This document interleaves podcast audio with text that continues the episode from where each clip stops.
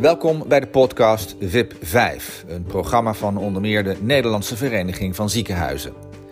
In deze reeks laten we mensen aan het woord die interessante en inspirerende verhalen te vertellen hebben over de digitale uitwisseling van patiëntgegevens. In deze aflevering is Arno Rutte aan het woord. Hij deelt zijn ideeën over slimme zorg.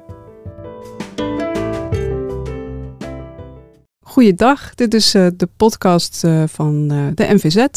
Ehm, dit keer een aflevering van het VIP 5-programma-team. Ik ben Anna Karadarevic en ik ben communicatieadviseur. En Christine Lene en ik interviewen vandaag Arno Rutte. En Arno Rutte, stel jezelf eens voor aan onze luisteraars. Laten we beginnen met, ik vind het ontzettend leuk om hier te kunnen zijn.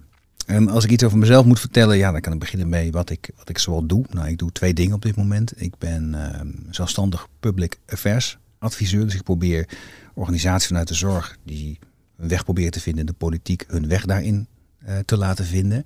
En ik ben uh, werkzaam als adviseur bij Ventura. En dat is een bureau, strategieadviesbureau, dat zich vooral bezighoudt met echt complexe vraagstukken in de wereld van de zorg.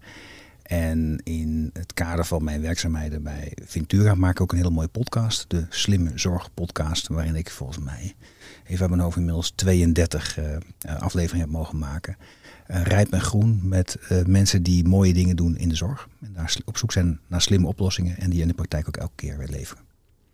Maar dat zijn allemaal dingen die je pas bent gaan doen nadat je als Tweede Kamerlid voor de VVD uh, hebt gewerkt jarenlang. Ja. Uh, tot oktober 2019. Ik zou bijna dat. denken dat dat geheim is. Nee, dat klopt. Dat heb ik zeven jaar gedaan. En daar was ik ook woordvoerder gezondheidszorg. Uh, en ook dat is geen toeval, omdat ik in de vijf jaar daarvoor in de strategische functie bij zorgverzekeraar mensen heb gewerkt. Um, en die enorme betrokkenheid bij zorg, hè, dus zowel bij mensen is later als, als Kamerlid en tegenwoordig uh, zowel als public affairs adviseur als uh, mijn werkzaamheden bij Ventura, die zijn ontstaan in de periode dat in heel korte tijd zowel eerst mijn broer en later mijn vader aan kanker overleden. En ik ook mijn baan kwijtraakte tot het moment deed ik totaal andere dingen. En uh, dat heeft veel teweeg gebracht en onder heeft mij zelf ook geactiveerd om me te gaan richten op zorg. Ik ben geen arts, jurist van huis uit, maar ik kom wel... Strafrecht, ik, toch? Ja, strafrecht en criminologie. Ja, en, en dat uh, mooi, mooie, mooie zaak om je mee bezig te houden overigens. Daar niet van. Maar uh, nee, sinds dat heb ik mijn, uh, mijn tanden gezet in het... Pro proberen mijn steentje bij te dragen om zorg beschikbaar te krijgen, zo goed mogelijk beschikbaar te krijgen voor iedereen. En het ook betaalbaar te houden. En eigenlijk zijn die twee dingen niet uit elkaar te, te trekken. Als je iets niet kunt betalen, is het niet beschikbaar. Maar, en, en, nou ja, dat, en die missie is bij me gebleven. Had het ook te maken met het overlijden van uh, je vader en je broer? Ja, alles. Ja, zeker. Nee, dat was een, was een, was een drieslag. Mijn, uh, mijn broer werd uh, op zijn vijf, toen hij 35 was ernstig ziek. En heel snel bleek dat hij nierkanker had. En dat is zelfs tegenwoordig eigenlijk nog, nog steeds een doodvonnis, helaas. Zeker, tenminste als het uitgezaaid is, en was in zijn geval, was dat zo. Hij heeft nog aan twee medicijntrials mee kunnen doen. Beide hebben zijn leven verbeterd en ook verlengd. Maar uiteindelijk heeft hij dat niet, uh, niet, niet overleefd. Helaas. En de, en de impact, um, nog los hè, van, van al het verdriet dat iemand overlijdt en ernstig ziek is. Maar, wat mij ook enorm opviel, wat, wat voor enorme impact zijn ziekteproces had op, op, op, het, op het leven van dat, van dat jonge gezin waar hij onderdeel van uitmaakte. Maar wat ik ook ingewikkeld vond, het is natuurlijk het is alweer meer dan 14 jaar geleden, maar ook de ja, totale ja, verkokendheid uh, binnen de zorg, waar hij overal waar hij maar weer kwam zijn eigen verhaal moest doen. En, uh, en elke keer heeft letterlijk met een dvd met zijn gegevens op zijn buik in, een, uh, in, in de trein gezeten op weg naar van het ene naar het andere ziekenhuis. vlak na mijn broer, binnen drie maanden na mijn broer, overleed ook mijn vader en ik raakte mijn baan kwijt. En dat hele complex bij elkaar heeft me toen op het pad gezet van nou, ik moet kennelijk wat anders met mijn leven. laat dit het dan maar zijn. En dat heb ik nooit meer losgelaten. Nee.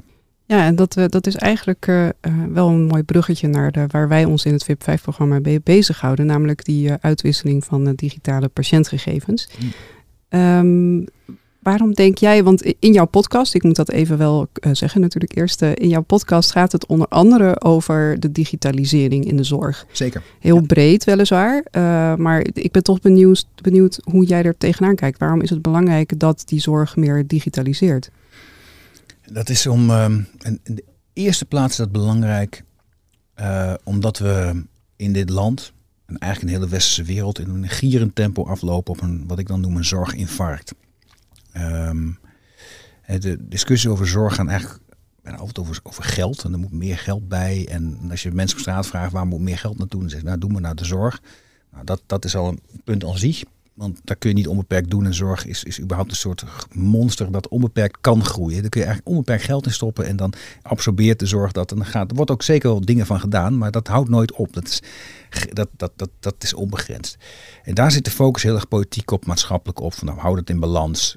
Maar kunnen we, het, kunnen we het kunnen betaalbaar houden, maar wel zorgen dat iedereen toegang houdt. Dat is, dat is de puzzel waar we in zitten. Heel relevant, maar eigenlijk niet de meest relevante puzzel waar we in zitten. Want de grootste vraagstuk waar we voor staan is simpelweg: kunnen we überhaupt over 20 jaar nog wel fatsoenlijk zorg leveren? Mijn antwoord is nee. Gewoon simpelweg niet. Als je nu kijkt naar de getallen die de RIVM heeft gemaakt over vergrijzing in Nederland en de impact die die vergrijzing heeft op de zorgvraag. En als je die zorgvraag dan weer doorvertaalt naar ongewijzigd beleid richting, richting zorgprofessionals, dan kom je tot de optelsom dat op dit moment 1 op de 7 Nederlanders werkzaam is in de zorg. Dat is al, uh, daarmee zijn we al wereldkampioen werken in de zorg. Uh, dus dat is al extreem veel.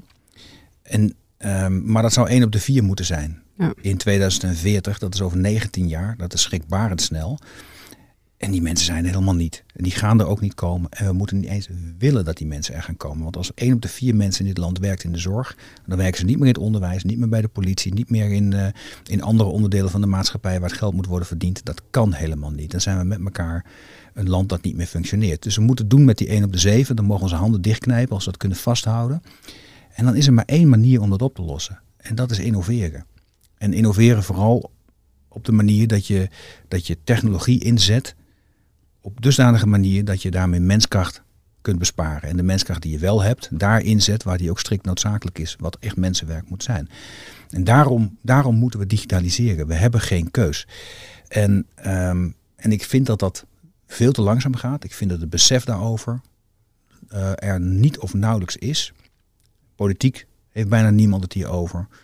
In, uh, in, in de wereld van de zorg ja, ja, we hebben gedigitaliseerd, want het was corona, toen moest het wel even. Maar het veert toch weer verrassend snel terug naar de oude werkwijze. En die oude werkwijze die functioneren niet meer in een vergrijzend land. Dus ik, ja, er zit, er zit een enorme gedrevenheid in mij om, om, om voor te knokken dat we meer gaan digitaliseren. Uh, simpelweg om, om veilig te stellen dat op het moment dat ik oud en versleten ben, er dan nog een beetje zorg voor me is. Ja. En voor anderen van rondom mij.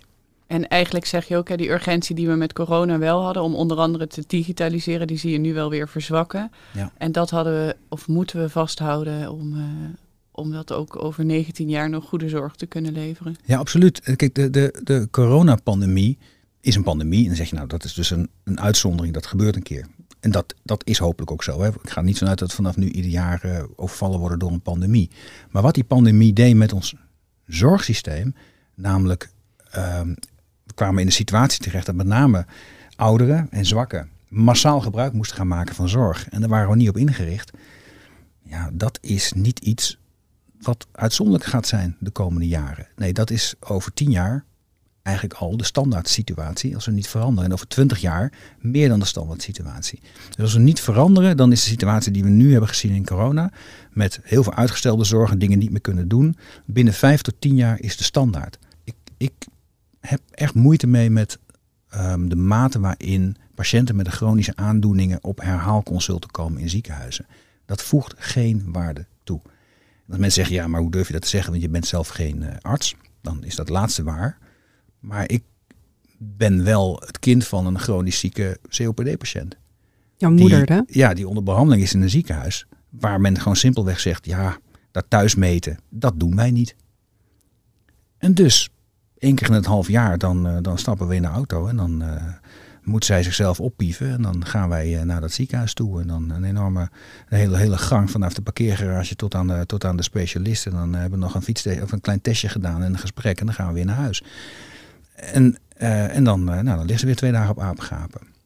Toegevoegde waarde. Nou ja, kijk, het gesprek met die arts is op zich wel goed. Maar dat had ook telefonisch gekund. Um, en, en waarom was het gesprek op die datum? Ja, omdat het nou eenmaal zo gepland was. Want zo doen wij dat. Maar waar mijn moeder behoefte aan heeft, is op al die momenten dat ze toevallig tussen, tussen die consulten in dat zich diep ongerust maakt, dat haar ziektebeeld snel verergert. En ze zelf niet meer in staat is een telefoon te pakken om iemand te bellen, omdat ze ja, buiten adem is. Dat ze dan in de gaten is gehouden, dat ze gemonitord wordt, dat ze dan veilig is. En dat ze niet meer naar die consulten hoeft op het moment dat het niet nodig is, omdat ze alleen in een ziekenhuis komt op het moment dat het ertoe doet. En elk ander moment in de gaten gehouden wordt. Nou, die technologie die is er. Die werkt. En wordt ook veel ingezet, hè? Wordt Steeds op heel meer. veel plekken ingezet, Ja. dus dat is supergoed. Maar we kunnen ons niet permitteren dat je kennelijk ook vanuit het ziekenhuis kan zeggen, nou, bij ons niet. En dat er, geen, dat er kennelijk geen tegenkracht is om dan te zeggen, ja, maar hou eens even. Als de technologische oplossing werkt en eigenlijk beter is dan de fysieke oplossing, dan moeten we toe naar een situatie te zeggen, de technologie is de norm en die andere oplossing, daar nemen we afscheid van. En als er dan iemand is die zegt, ja, maar er zijn toch ook heel veel mensen die vinden dat moeilijk met zo'n iPad. Prima, dan roep je die maar op. Als die patiënt zegt, ik kan daar niet meer uit de voeten, prima, die komt gewoon dan op consult. Maar ik voorspel je, dat zijn er verrassend weinig. En dat is maar een voorbeeld, daar zit, daar zit mijn gedreven uit. Nou ja, wat, wat ik me afvraag, stel nou dat, eh, dat, dat je, ehm, eh, je hebt eh, nogal wat ideeën natuurlijk over, over hoe de zorg beter kan. Als je zou mogen dromen over de beste inrichting van de zorg en je zou onbeperkt budget hebben, hoe zou je het voor je zien? Wat, wat, wat zou je doen om die zorg te verbeteren? Ehm, het eerste wat ik zou doen is heel goed kijken naar de ontwikkeling van de populatie en de zorg inrichten op een manier die daar recht aan doet. En dat betekent dat we in dit land ons moeten gaan inrichten op een populatie die eh, vergrijsd is. Ehm, voor een heel groot deel bestaat uit mensen met één of meerdere chronische aandoeningen. En dat deel van de zorg moet je eigenlijk inrichten op een manier dat je zegt, ehm, ik, ik, ik centraliseer. Ik maak een aantal centra waarvan waaruit ik patiënten heel goed in de gaten kan houden. En ik zorg dat die patiënt wordt omringd met eh, eenvoudige technologie, waardoor je die goed in de gaten kunt houden. En dat ehm, wordt dan disease management centers genoemd. Dat klinkt allemaal weer zo consultancy-achtig. Maar feitelijk is dat gewoon een concentratie van op bepaalde plekken waar je zegt, hier hou ik mensen in de gaten. Daar werken ehm, ervaren mensen, zijn verpleegkundigen die ook heel goed waarde kunnen lezen. Die, die ook in contact kunnen treden met zijn patiënt op het moment dat het nodig is. En, en, en kunnen escaleren op het moment dat er echt andere vormen van zorg nodig zijn. Maar daarmee kun je ontzettend veel rust krijgen in de rest van het zorgsysteem. Als je dat, uh, als je dat beter doet. Voor het Daarnaast zou ik um, um, um, langs twee assen de zorg veel meer waarde gedreven willen maken. Dus af van de klassieke harkjes in de zorg, waarin waar, waar langs specialisme de zorg is georganiseerd, maar veel meer langs patiëntpaden. En zodat je een patiëntpad zo inricht voor de aandoening van de patiënt, dat je het kunt toebehandelen naar de beste uitkomst voor die patiënt tegen de laagste kosten. Ja, een mooi woord noemen ze dat ook al value-based healthcare, laat het maar waardegedreven zorg noemen. Het derde wat ik zou willen doen, ja, nou, ik mocht alles toch. Uh, ja hoor, ja, zeker. Is, um, is toen naar organisaties of, of, centra waarin de zorg wordt gecoördineerd rondom de patiënt. Kijk, in een, in een niet vergrijsde maatschappij, dan werkt eigenlijk het, het klassieke zorgmodel redelijk goed. Ik ben gezond en als ik iets, iets heb, dan ga ik naar de huisarts en die heeft daar 9 van de 10 keer een oplossing voor. Is, dat is hartstikke fijn. En op het moment dat ik dan toch iets ernstigs krijg, dan kan die huisarts mij verwijzen. En dan wil ik met datgene wat ik wellicht heb, of misschien ook wel echt heb, dan wil ik naar de beste specialist die heel veel weet van heel weinig. Namelijk precies dat stukje wat er mij kapot is of moet worden gerepareerd of moet worden behandeld. En dan hoop ik dat die, dat die specialist mij goed kan behandelen, bij voorkeur kan genezen en dan kan ik weer terug naar huis. Maar in een, in een vergrijsde populatie werkt het voor geen meter. Want iemand die, die wat ouder is, die leidt niet alleen misschien wel aan meerdere chronische aandoeningen, maar misschien ook wel een aantal nou ja, wat meer acute aandoeningen. Een heel samenspel van zaken. Als je die elke keer weer single point verwijst van nou, naar de huisarts, naar huis gaat kijken van nou wat heeft hij vandaag? Nou ja, drie, vier dingen tegelijkertijd. Ja, daar hebben we geen specialist voor. Dus voor je het weet, dan word je van de ene naar de andere specialist word je verwezen. Nou, dat gebeurt in de praktijk ook. Wat ik zou willen is eigenlijk dat je, dat je toegaat naar centra, centra waar de informatie rondom van die patiënt bekend is. Zijn medische data, maar ook zijn niet-medische data. Misschien kan het in de vorm van een PGO. Dus is iemand zelf alleenstaand of heeft hij nog een partner? En is die partner nog goed te benen of niet? Zijn de kinderen in de buurt? Um, wat doet iemand in het dagelijks leven? Is hij nog actief? Is hij niet actief? Als je al die informatie bij elkaar hebt, je weet wat iemand, waar, iemand last van heeft, je weet hoe de, hoe de context van zo'n persoon is, dan kun, je op, dan kun je een weging gaan maken van wat is nou op dit moment de interventie, de meeste toegevoegde waarde voor kwaliteit van leven van deze individuele patiënt kan leveren. En dan, moet je, dan, en dan doen we alleen dat. En dan komt iemand terug en dan kijken we of dat voldoende was. En als het niet voldoende is, kunnen we dan nog eens kijken wat we gaan doen. En al het overige doen we gewoon niet. Want dat levert geen waarde op of, of te weinig. Nou ja, je noemde het uh, PGO-woord al. Ja, ja. PGO's kunnen daar de, denk ik best wel een rol in spelen. Als, als iedereen in dit land een PGO heeft en daar gebruik van maakt, dan kan een PGO een fantastisch instrument zijn. Als je kijkt naar het PGO zoals dat nu tot wasdom is gekomen, dan is de waarde nog heel laag. Dus, dus ja, het kan inderdaad wel, maar er zijn nog wel grote stappen te zetten. En wat, wat denk je dat, dat nog echt de eerste stappen zijn die nodig zijn om te zetten, om dat PGO echt van meerwaarde te laten zijn? Ik denk dat um, het enorm zou helpen. Um, en dat zou de politiek kunnen doen. De politiek. Hè. Zelf jarenlang onderdeel van geweest. Maar goed. Uh, gewoon eens een stippel horizon zeggen. En te zeggen. Joh, vanaf datum X heeft iedereen in dit land gewoon een PGO. Punt. Dan, gaat er wel wat veranderen hoor. Ik, we noemen ze even datum. Nou, een haalbare datum. 1 januari 2023. Iedereen in Nederland heeft een PGO. Nou, dan, als, dat, als dat in één keer afgesproken is, uh, dan mag iedereen zelf nog weten welk PGO. Uh, maar dan moet er wel eentje zijn. Of in ieder geval, en dan moet ook iemand zich daarvoor verantwoordelijk gaan voelen. Daar kunnen we dan over hebben hoe.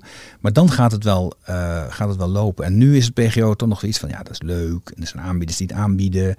En je kunt daar natuurlijk wel iets op invullen of niet. Ja, dan is het, dan is het zo minimaal en zo klein. Dan gaat het niet, uh, niet, niet lopen.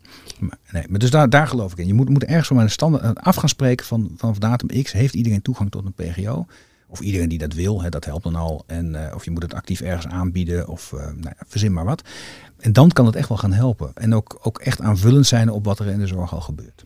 Ja, die vrijblijvendheid moet er dan af. Ja. En, uh, en als dat gebeurt, dan kan het ook een patiënt meer, meer in de regie zetten om dus ook aan te geven wat hij allemaal wel en niet ehm, zou willen. En wat hij nog meer in zijn zorgpakket, zeg maar, heeft zitten, om het zo te zeggen. Ja, ik denk dat een, dat een, dat een, dat een PGO kan, uh, kan, kan helpen bij. Um, um, nou, dat, dat, kan ten eerste helpen bij wat, wat, wat, wat ziekenhuizen echt nu al aanbieden. Bijna alle patiënt, ziekenhuizen bieden een soort patiëntenportal aan.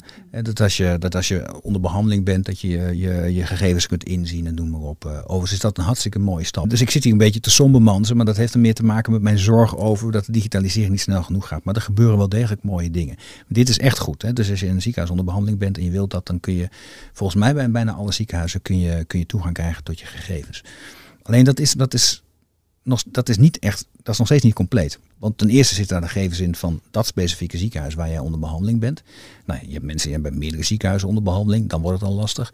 En je hebt natuurlijk vaak ook nog eerste lijns aanbieders waar je, je ben je huisarts, misschien heb je nog een stuk wijkverpleging, fysiotherapeut, ja, noem maar op. Ja. Hè. Dus dat pakket integreert niet op zo'n op zo'n ziekenhuisportal. En dat zou in een PGO wel zichtbaar kunnen worden. Dat is de eerste meerwaarde die er is. Dat daardoor een patiënt zelf inzage heeft, inzicht heeft in wat daar gebeurt.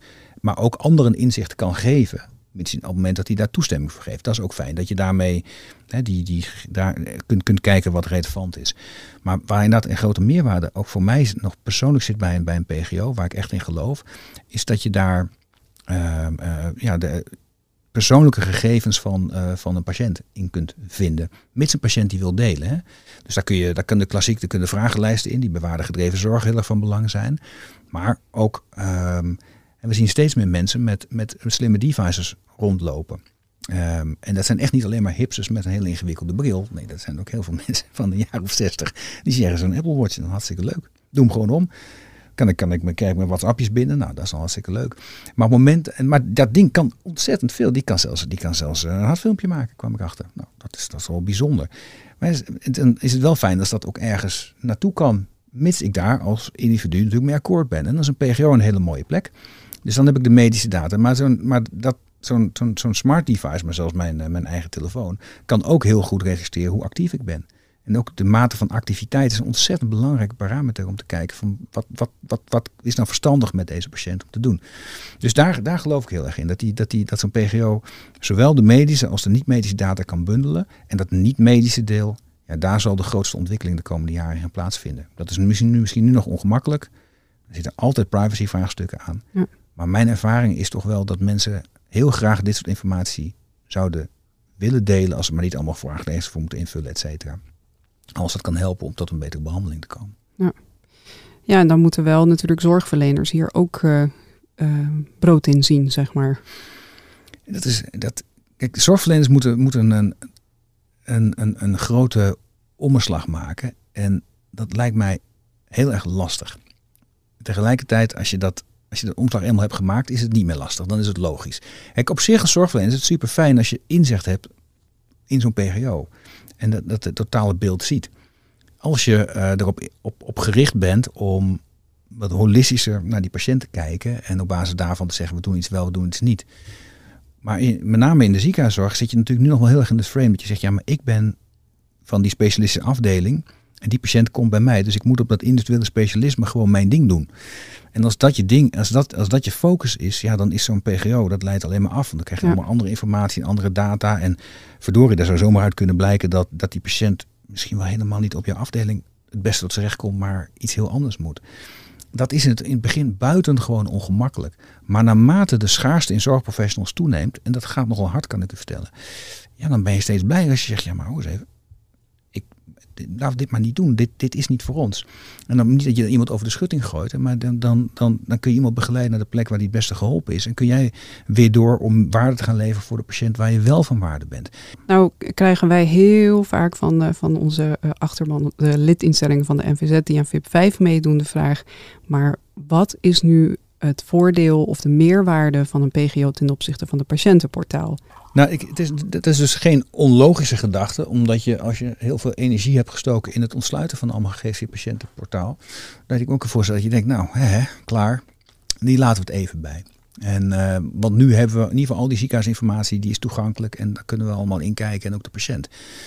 Maar het is precies zoals ik net zei, dat, dat is een belangrijke stap, maar het, is, het, is is nog maar een beperkte stap. Als je echt die patiënt uh, integraal wilt kunnen beoordelen, heb je dat tweede deel ook nodig. Die persoonlijke informatie, de niet-medische informatie en wellicht ook de medische informatie van andere aanbieders, eerste of tweede lijns. En daar zit echt de, de grote meerwaarde van het PGO. En dat heb je dus nodig om veel beter te kunnen beoordelen. Doe ik, doe ik het juiste voor deze patiënt of niet? En doe ik het op het juiste moment of niet? Die, dat soort vraagstukken kun je veel beter beantwoorden op het moment dat er inderdaad een goed gevuld PGO is. Ik denk dat daar uh, het wel helpt om afspraken te maken, om een stip door te zeggen dat vanaf datum X uh, dit, dat, dat, dat, dat data uitwisselbaar moet zijn. We moeten toe naar veel meer standaardisering van, uh, van data, onafhankelijk van systemen. Je wilt, je wilt onafhankelijk van welk systeem in een ziekenhuis wordt gebruikt, wil je hebben dat data uitwisselbaar is, gestandardiseerd is, beoordeeld kan worden door een ander. Ja. Uh, en dat geldt net zo hard met data in de, in de, in de eerste lijn daar hebben we nog wel wat stappen te zetten. We hebben wel, voor, voor PGO hebben we wel wat afgesproken, welke bokstukjes erin moeten en niet. Wellicht kan dat, dat kan helpen, maar in alle eerlijkheid, het is nog heel veel systeem lock-in. Zowel uh, in, in huisartsinformatiesystemen als in ziekenhuisinformatiesystemen, ja. waardoor je de informatie niet goed naar buiten krijgt. En daar vind ik wel degelijk ook een politieke taak liggen. Zeg, je moet, moet echt eisen dat, dat, dat data gestandardiseerd is. En wat, hoe, hoe het door het systeem stroomt en hoe mooi je het maakt of, of lelijk het maakt, maakt niet uit. Maar op een moeten we zeggen, deze informatie moet altijd beschikbaar zijn, vrij uitwisselbaar zijn en moet veilig zijn. En, um, uh, en op het moment dat we hebben vastgesteld, dan moet de volgende stap zijn dat je zegt, een ieder systeem dat in de zorg wordt gebruikt, moet daaraan voldoen. Dat heeft, dat heeft impact, maar als we dat niet doen, dan kom je qua digitalisering niet verder en loopt de zorg gewoon krakend vast. En wat dat betreft heeft, kiest natuurlijk het ministerie van VWS er heel erg bewust voor, denk ik, uh, om uh, juist niet geen eisen te stellen, uh, maar meer te nudgen, zeg maar. Dus die, de VIP-programma's zijn daar wel een mooi voorbeeld van. Er worden subsidies uitgedeeld. Mensen die aan de slag willen, die moeten aan bepaalde eisen voldoen, uiteraard. Maar als je niet wilt meedoen, dan hoeft het ook niet. Nee, maar dat is, dat is, dat is wel een manier om beweging te krijgen. En dat is ook een manier om te zorgen dat, wat, dat, dat datgene dat beweegt, zeg ik in de praktijk, ook bewezen heeft. Dus dat je niet van buitenaf oplegt hoe het eruit moet zien. En dat is een van de grote krachten in het Nederlandse zorgstelsel. We, we, we, geven heel veel ruimte decentraal om dingen uit te proberen, in te richten, zo in te richten, net zolang tot het werkt. En dat is, dat is super. Dus we komen ook om in de pilots en die pilots zitten ontzettend veel waarde in. Maar ik denk op een bepaald moment dat we er gewoon naartoe moeten, nou, wat ik in het begin zei. Je geeft de ruimte om dingen uit te, uit te zoeken, in te richten. Als het bewezen effectief uh, is, de manier van werken, als het, als het ook echt blijkt te werken en ook schaalbaar is, dan moet je wel even, maar, wat, daar kun je wat afspraken over maken. Dan moet ook een punt komen dat er ergens op ministerie zegt, we hebben het hartstikke mooi experiment geweest. Dit is een nieuwe norm. U gaat dit implementeren. En dan, hebben, en dan standaardiseren we de boel ook. En ja, dat, dat durft op dit moment nog niemand. Nee. Je En ziet, het- dat, je ziet dat natuurlijk nu wel hè, met die wetgeving elektronische gegevensuitwisseling in de zorg die eraan gaat komen. Ja. De VIP-programma's gaan er eigenlijk aan vooraf. Ja. Hè, dus eh, de wortel met de stok, zeg maar. Mhm. Ehm, en iedereen heeft de tijd om daaraan mee te doen en, eh, en te voldoen eigenlijk aan de eisen die gaan komen. Dus nou, er, er is wel verandering eh, daarin gaande, zeg maar. Ja, zeker. Het is minder vrijblijvend dan dat het was. Dat klopt. Dat klopt. En, en dat is maar goed ook. Ja. En, en nogmaals, en dus, dus op zich die, die aanpak dat je zegt, ik geef eerst de ruimte en probeer me uit. En, en, en, en, en vul me in en, en neem ook afscheid van wat niet werkt. Hè, want je want pilots mogen mislukken. Dat is ook hartstikke fijn. Eh, maar af en toe slaagt er ook wel eentje. En, nou ja, en, en van daaruit verder. Ja, je ziet wel dat het ministerie daar wat strenger in wordt. Maar of ze nou ook echt de, de ultieme laatste stap durven te nemen, ik twijfel daar nog een beetje. Echt gaan handhaven op de wetgeving, bedoel je Ja, we zeggen ja, ja standaardiseren en dan, dan moet het klaar zijn en je gaat aan de slag. Even terug naar die eh, PGO's. Ja. Ehm, wat voor advies zou je, zou je ziekenhuizen bijvoorbeeld willen geven als het gaat om die uitwisseling van patiëntgegevens via een PGO? Mo- moeten, zij, moeten zij daar zich ook voor de hard maken? Ik denk dat op het moment dat we afspreken op dat over twee jaar of, of drie jaar iedereen toegang heeft tot een PGO, dat het al heel veel richting geeft. Dan moet je wel. En dan zal het dan. En, maar wat dan ook wel helpt, is dat daar misschien nog wel, nog wel meer dan nu ehm, een, een, agenda bij komt om inderdaad informatie te standaardiseren die je, die die je moet uitwisselen. En, ehm, ehm, en dat, dat ook aanbieders van systemen de verplichting krijgen om die, systeem, om die data uit te kunnen wisselen en uitwisselbaar te maken, gestandaardiseerd uitwisselbaar te maken. Als dat, als dat gebeurt, als dat framework er is, dan is het voor een ziekenhuis ook aanlokkelijk om met een PGO te werken. En ook niet ingewikkeld, want dan is die informatie is er, kun je makkelijk aanleveren. En op het moment dat je aanlevert, kun je ook weer, mits toegestaan door een patiënt, informatie terugkrijgen die voor jou van waarde is en, eh, eh, om dingen te doen. Maar de, dus volgens mij is het niet zozeer de vraag of ziekenhuizen dit zouden willen. Ehm, maar ziekenhuizen moeten daar op een fatsoenlijke manier toe in staat worden gesteld. Door een, door een, door een, door een eh, een framework te creëren met gestandaardiseerde informatieuitwisseling, gestandaardiseerde datapakketjes. En dan, dan is het er gewoon ook te doen. Dan is het ook niet een hele grote stap om het te doen. En da- volgens mij is dat de belangrijkste stap. En die, die stap hè, die is op zich in die zin gezet doordat ehm, de ziekenhuizen die meedoen aan, aan de VIP-5-regeling, die moeten halverwege volgend jaar gegevens kunnen aanbieden aan een PGO. Eh, nou, dat zijn ruim 200 instellingen die meedoen. Dus dat, eh, dat zijn eh, algemene ziekenhuizen, de UMC's, de zelfstandige klinieken. Mhm. Dan heb je een beperkte gegevensuitwisseling op gerealiseerd. Eh, want patiënten moeten ook daadwerkelijk gebruik gaan maken van dat PGO.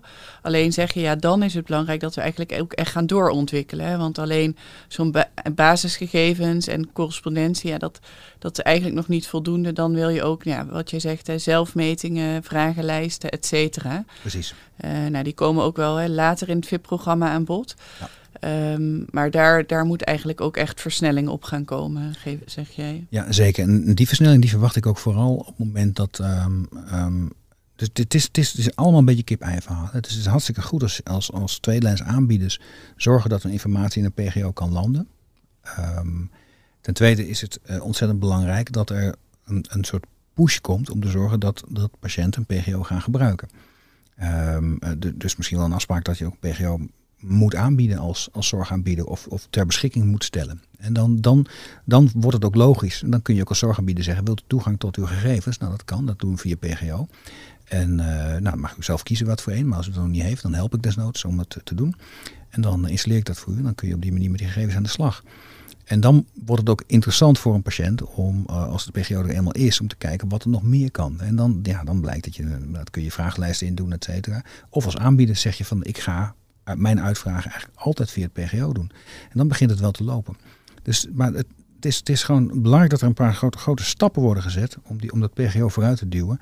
En voorbij te krijgen wat het nu is. Nu zijn vooral toch aan, ja, er zijn best wel wat aanbieders die een PGO aanbieden. Maar dat doen ze dan vooral als ja, een tool om een eigen hoekje van de zorg eh, te kunnen leveren. En dat is het dan ook wel. We moeten naartoe dat het echt veel universele, echt universele platforms zijn. Waarop, waarop misschien specifieke aanbieders aanhaken met extra services en diensten. Dat is hartstikke leuk, dat is zoals een app store. Maar, niet, maar dat moet niet het beginpunt zijn eigenlijk. Dat is meer een soort, soort, ja, soort, soort sluitpunt.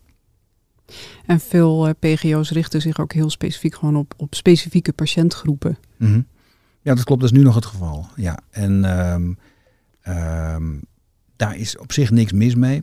Maar ik, zie, ik denk, ik zie eerder zometeen dus een aantal gestandardiseerde PGO's in de markt, een aantal grote aanbieders. En, de, en, de, en dan die, die, die, die oplossingen voor specifieke patiëntgroepen, die vind je dan in de verschillende PGO's. En daar moet dan de waarde mee worden gegenereerd voor de, voor de aanbieder. We gaan sowieso natuurlijk een, een soort consolidatie zien in PGO's. Er blijven er geen 30 over. En die consolidatie vindt ook echt pas plaats op het moment dat er steeds meer gebruikers komen. Ik maak zelf een podcast en een van de eerste podcasts deed ik met uh, dokter Marcus Oei. Uh, Flevo ziekenhuis, ja, KNO-arts. Precies, ja. precies. Uh, bekend iemand, ook heel erg bezig met digitaliseren, informatieuitwisseling. Dat is helemaal zijn ding. En ook uh, hij, hij, is heel erg bezig met dat je patiënten objectief en uit bestaande bronnen heel goed moet informeren. En op basis daar kunnen ze een beslissing nemen. Maar um, los daarvan was hij ook een van de pioniers bij, um, bij het idee dat je patiënten uh, zelf een afspraak kunt laten maken in het ziekenhuis. En dat is volgens mij inmiddels uh, 12, 13 jaar geleden dat het Flevo ziekenhuis daarmee begon. En zei, joh, we hebben heel veel no-shows, weet je wat we doen? Zet gewoon de agenda open, patiënt, plant u zelf uw afspraak. Dat was een enorm succes. En het aantal no-shows, uh, dat uh, verdween als sneeuw voor de zon. Um, totdat, en dat, dat speelt ook in het dossier waar we het nu over hebben, er uh, een paar door privacy gedreven personen waren die daar bovenop doken. En die vonden dat dit niet kon en niet deugde. En toen is de autoriteit persoonsgevers opgezet. En toen is het Flevo ziekenhuis verboden op deze manier nog patiëntafspraken in te plannen. En daar moest een proces voor terug, waarbij mensen zich moesten identificeren met DigiD, et cetera, et cetera, et cetera. En het effect is dat het maken van die afspraken gewoon gestopt is. Want daar zijn mensen niet toe bereid. Dus als, je, als jij wilt dat bepaalde informatie niet ingezien kan worden, dan moet je daar de mogelijkheid toe hebben. Dat is belangrijk. Ja. En uh, um, heb ik laatst nog een podcast opgenomen met, uh, met, met, Joop Arends. En die houdt zich bezig met, uh, met mensen met HIV. Nou, daar speelt het ook vaker. Er kan een stigma aan een bepaalde aandoening zitten. dat je denkt van nou, ik wil dat niet. Maar ja. goed, dat, maar opnieuw, dat is niet de norm. Dat is interessante. En mensen die heel erg focussen op privacy nemen dat als norm. Die zeggen ja, maar en er mag niks op straat liggen. En oh, grote problemen. En zomaar delen. En dan lekt dat uit en dat moet je niet willen. En, en dan, is de, de, dan is privacy het wordt het doel. En het doel moet niet zijn de privacy. Het doel moet zijn dat je iemand optimaal kunt behandelen. En dat, als, en dat uiteraard binnen de grenzen van privacywet. En dat iemand, als, als iemand niet wil dat iets wordt uitgewisseld, dat je dat kunt aanvinken. Zeg, dit wil ik wil ik privé houden. We hebben in Nederland bij de implementatie van de GDPR, dat is de, de, de Europese privacyrichtlijn, hebben we geen gebruik gemaakt van de mogelijkheden om een aantal uitzonderingen op die richtlijn te maken. We hebben hem eigenlijk integraal geïmplementeerd in Nederland. En die uitzonderingsmogelijkheden die waren er niet voor niks. En een van de uitzonderingsopties in die GDPR, dat was de zorg en hm. de wetenschap. Niet voor gekozen. Met alle ellende van dien. Dat betekent dus dat nu, als je als nou, neem eens als kankerpatiënt, onder behandeling bent bij vier verschillende specialisten. Dat kan. Of dat je een deel van je geneesmiddelen bij de ene apotheek had en onder behandeling bij een andere specialist, et cetera. Ik ken de verhalen. Dat je iedere keer opnieuw pakken met formulieren moet invullen en aan moet vinken om te zorgen dat die specialisten over en weer in jouw dossier mogen kijken doffe ellende. Er wordt nog steeds ook met cd's gewerkt, hè? Nou, ook, maar, dat, maar dat is nog los daarvan. Dat, dat, is dan, zeg maar, dat is een soort fout bij design zeg maar, aan de kant van de aanbieder. Dat, dat moeten we ook oplossen, denk ik. Maar dit is echt onzinnig. Dat is ontstaan door die, door die privacywetgeving. En die levert op dat punt geen enkele waarde voor de patiënt. Alleen maar ellende. De patiënt is al doodziek. Die moet volgens allemaal vinkjes zetten en doen om maar te zorgen dat hij fatsoenlijk kan worden geholpen door een team van verschillende zorgprofessionals. Had niet gehoeven. Als we van tevoren daar beter over hadden nagedacht of niet eenzijdig alleen maar naar, ja, maar dit is wel heel veilig. Nou, dat is één ding zeker. Ja, je weet zeker dat die informatie niet bekeken kan worden, maar de behandeling, de veiligheid van de patiënt wordt daardoor minder. En in de wetenschap precies hetzelfde. Als je, als je medische data nodig hebt voor wetenschappelijk onderzoek, is dat in Nederland met, met de toepassing van de AVG buitengewoon ingewikkeld. Echt buitengewoon ingewikkeld. En ik ken meerdere wetenschappers die dus inmiddels hun datasets in Denemarken kopen. Omdat Denemarken, jawel, over net als België, wel een uitzondering heeft gemaakt hm. op die GDPR-richtlijn. En dat zijn hele beschaafde landen die erg hechten aan privacy. Maar ze hebben over dit onderwerp net wat beter nagedacht, denk ik, dan wij in Nederland. En dat is, dat is jammer. Wellicht kunnen we dat nog herstellen. Maar we moeten daar de balans herstellen. En het betekent niet dat je dus in Denemarken en België zomaar van alles mag. Maar er zijn wel meer graden van vrijheden in het belang van de patiënt en in het belang van de wetenschap. Ja. Ja, ik ben nog wel benieuwd, hè, want je noemde in het begin die, die gegevensuitwisseling tussen ziekenhuizen. En je haalde het voorbeeld aan dat je met je CD-ROM in de trein, uh, of je broer hè, met CD-ROM in de trein uh, van het ene ziekenhuis naar het andere ziekenhuis ging. Ja. Nou, dat is ook een van de doelstellingen waar we binnen VIP 5 aan werken, die digitale gegevensuitwisseling. Ja. Um, ook daar is zeg maar een deadline gesteld, dus dat is weer eigenlijk die urgentie die gecreëerd wordt, waar, waar je aangaf dat is heel belangrijk. Wat denk je dat, met jouw ervaring, wat daar nog meer ja, uh, voor nodig is om dat ook echt te kunnen bereiken? Ja, dat is een eenvoudige vraag. Daar moet ik echt wel even over nadenken. Um, en, want veel hebben al aangeraakt. Op het moment dat je, dat, je standaarden afspreekt voor dit soort data, dan kun je ze ook makkelijker uitwisselen. Dan maakt het niet uit op wat voor apparaat die scan is gemaakt. Dan zeg je, nou, dat moet altijd landen in een bestand. Dat ziet er ongeveer zo uit. En dat kun je uitlezen en dan is het, uh, dan is het voor elkaar. Um, maar het tweede punt heeft met iets heel anders te maken. Dat heeft te maken met onderling vertrouwen in de zorg. Want um, je, je kunt zeggen van ja, maar er is al informatie en die is in een andere instelling is die al opgedaan. Maak daar maar gebruik van. Maar ik, ik heb dan nog steeds de ervaring dat heel veel medische professionals denken, ja, toch nog maar even zelf kijken. Ik weet het niet. Ik wil ook even op mijn eigen oordeel afgaan. En, en dat ik kan, als, als, als het heel twijfelachtig is of iemand komt voor een second opinion, et cetera, dan is dat terecht. Hè? Dan moet je dat ook doen. Maar in dit soort gevallen, en je zegt, nou, iemand neemt die gegevens mee of die gegevens zijn toegankelijk en die heb je gewoon nodig omdat, en die kon, die kon het, in, in het op die andere plek niet behandeld worden omdat ze daar de, de deskundigheid uh, niet hadden of de specialisatie niet hadden. Maar alsjeblieft, neem deze patiënt over. Ja, alsjeblieft, doe dat dan ook op basis van de inzichten die er zijn. En, en voeg daar iets aan toe als je het nog beter kunt, maar ga dingen niet overdoen. En dat, heeft, ja, dat, is, dat is, heeft ook echt met onderling vertrouwen te maken. Vertrouw ik degene die, waar, die, waar deze patiënt eerder onder behandeling is geweest. En als je dat doet, ja, dan kun je daarop voortbouwen. En dat heeft weinig met technologie te maken. Ja.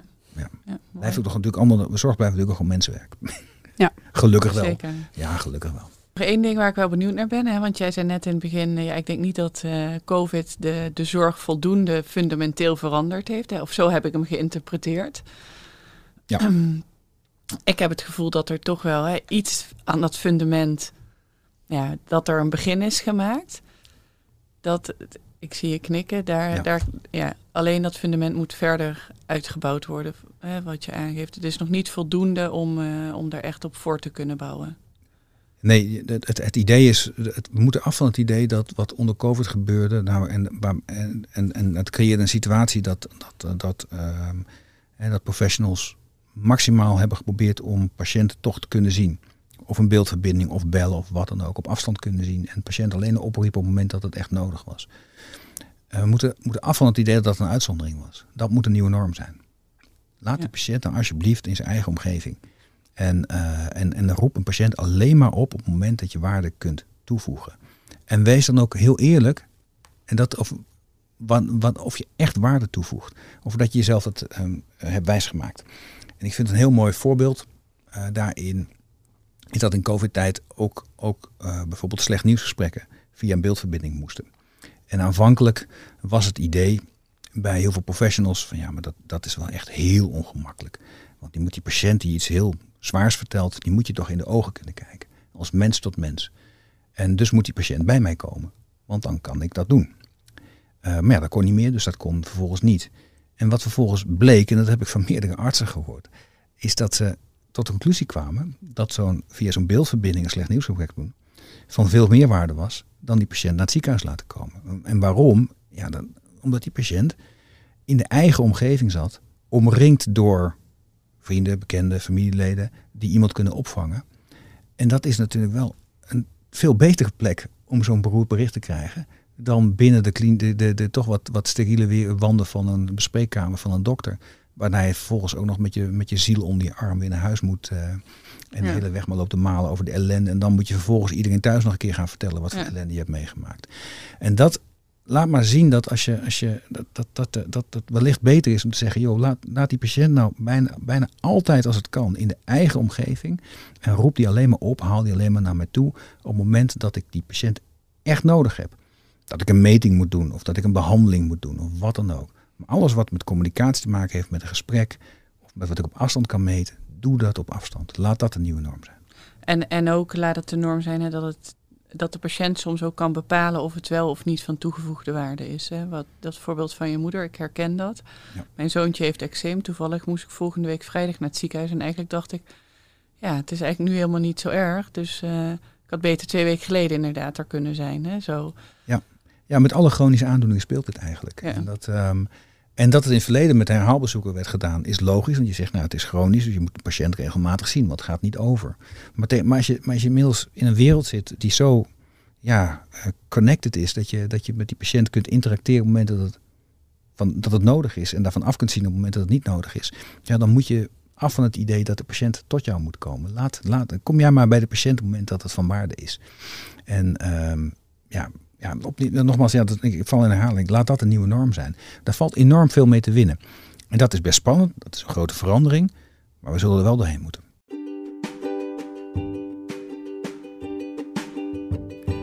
Je luisterde naar de podcast VIP 5 van de NVZ. Het interview werd gedaan door Anna Karadarevic en Christine Lene. Heb je vragen of opmerkingen over de podcast? Mail die dan naar podcast.nvz ziekenhuizen.nl. Dat is dus podcast.nvz ziekenhuizen.nl. Wil je meer podcasts van de NVZ horen? Kijk op de podcastpagina van onze website of abonneer je op Podcasts NVZ in jouw favoriete podcast-app.